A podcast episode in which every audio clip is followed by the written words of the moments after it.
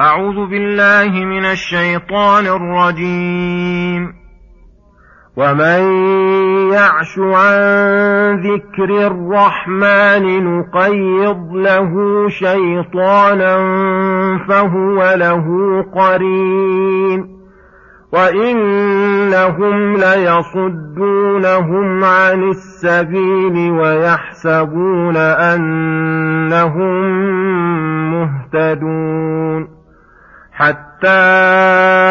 إذا جاءنا قال يا ليت بيني وبينك بعد المشرقين فبئس القرين ولن ينفعكم اليوم إذ ظلمتم أنكم في العذاب مشتركون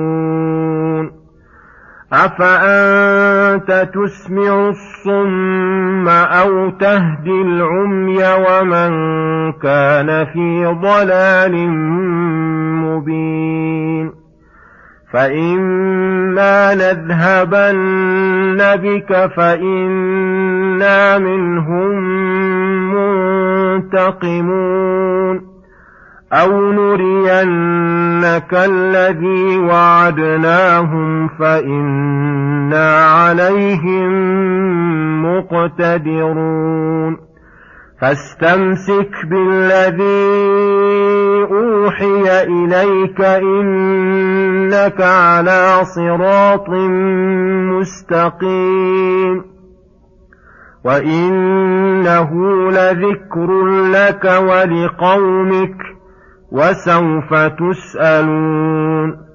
واسأل من أرسلنا من قبلك من رسلنا أجعلنا من دون الرحمن آلهة يعبدون. بسم الله الرحمن الرحيم. السلام عليكم ورحمة الله وبركاته. يقول الله سبحانه ومن يعش عن ذكر الرحمن يقيض له شيطانا فهو له قرين. يخبر تعالى عن عقوبته البليغة بمن أعرض عن ذكره فقال ومن يعش أن يعرض ويصد عن ذكر الرحمن الذي هو القرآن العظيم الذي هو أعظم رحمة رحم بها الرحمن عباده. فمن قبلها فقد قبل خير المواهب وفاز بأعظم المطالب والرغائب ومن أعرض عنها وردها فقد خاب وخسر خسارة لا يسعد بعدها أبدا. وقيض له الرحمن شيطانا مريدا يقارنه ويصاحبه ويعده ويمنيه ويؤزه من المعاصي أزا.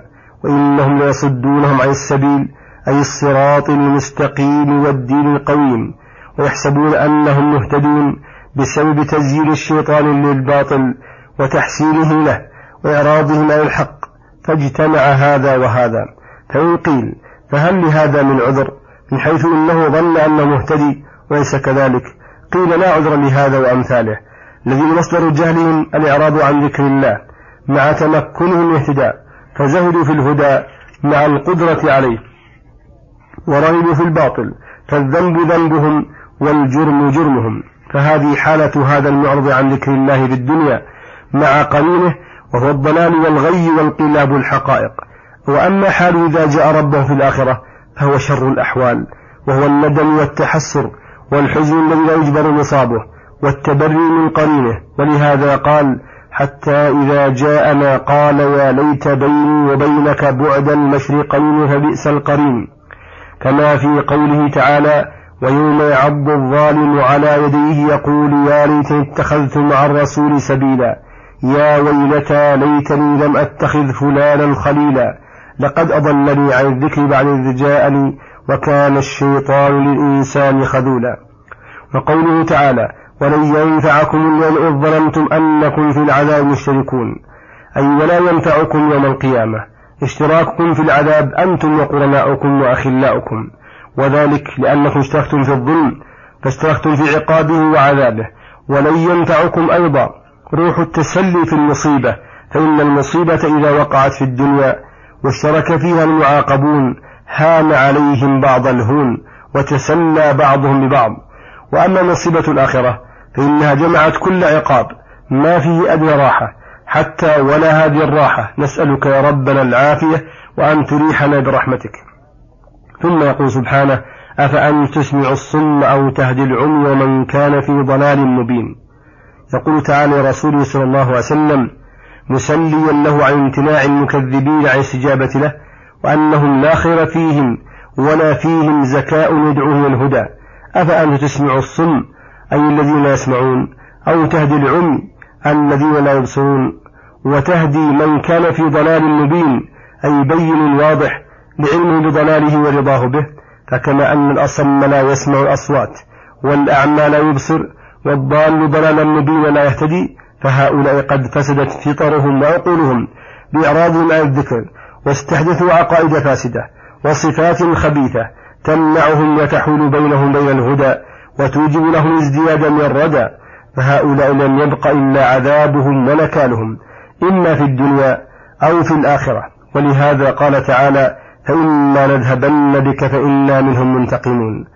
أي فإن ذهبنا بك قبل أن نريك ما نعدهم من عذاب فاعلم بخبرنا الصادق أنا منهم منتقمون أو نرينك الذي وعدناهم من العذاب فإنا عليهم مقتدرون ولكن ذلك متوقف على اقتضاء الحكمة لتعجيله أو تأخيره فهذه حالك وحال هؤلاء المكذبين وأما أنت فاستمسك بالذي يوحي إليك فعلا واتصافا بما يأمر بالاتصاف به ودعوة إليه وحرصا على تنفيذ بنفسك وفي غيرك إنك على صراط مستقيم موصل إلى الله وإلى دار كرامته.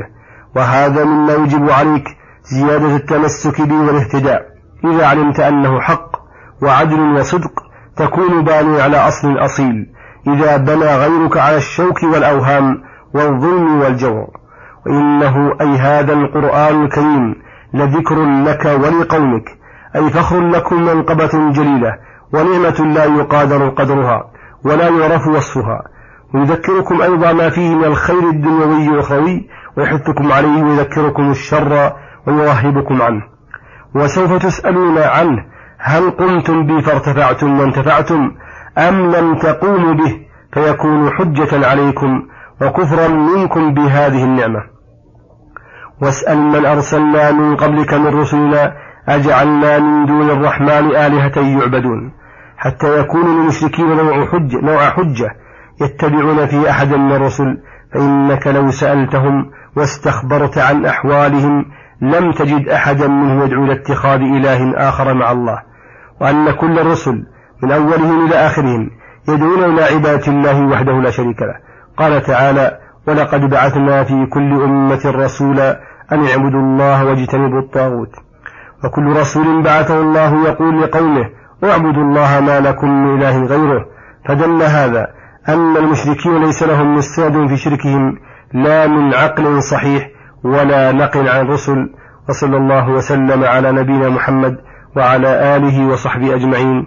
إلى الحلقة القادمة غدا إن شاء الله. والسلام عليكم ورحمة الله وبركاته.